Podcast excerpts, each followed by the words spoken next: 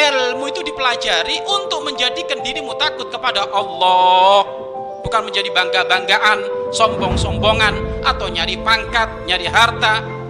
Takut dulu kepada Allah dikirim nanti harta. Yakin sudah. Nanti kalau takut kepada Allah dikirim apa pun oleh Allah. Maka jangan dahulukan sombongnya jangan dahulukan hartanya. Takutnya lupa. Ya bahaya ini nanti kalau kita takut kepada Allah jika dikirim harta oleh Allah harta itu kan modelnya dua. Ada haram ada halal. Kalau kita ada rasa takut di saat dikirim harta maka kita bisa memilah. Akan kita ambil jika yang halal sesuai syariat is Islam. Kan gitu ini penting. Rasa takut pada Allah penting. Dan itu termasuk kunci dari belajar ilmu yang maknanya takut kepada Allah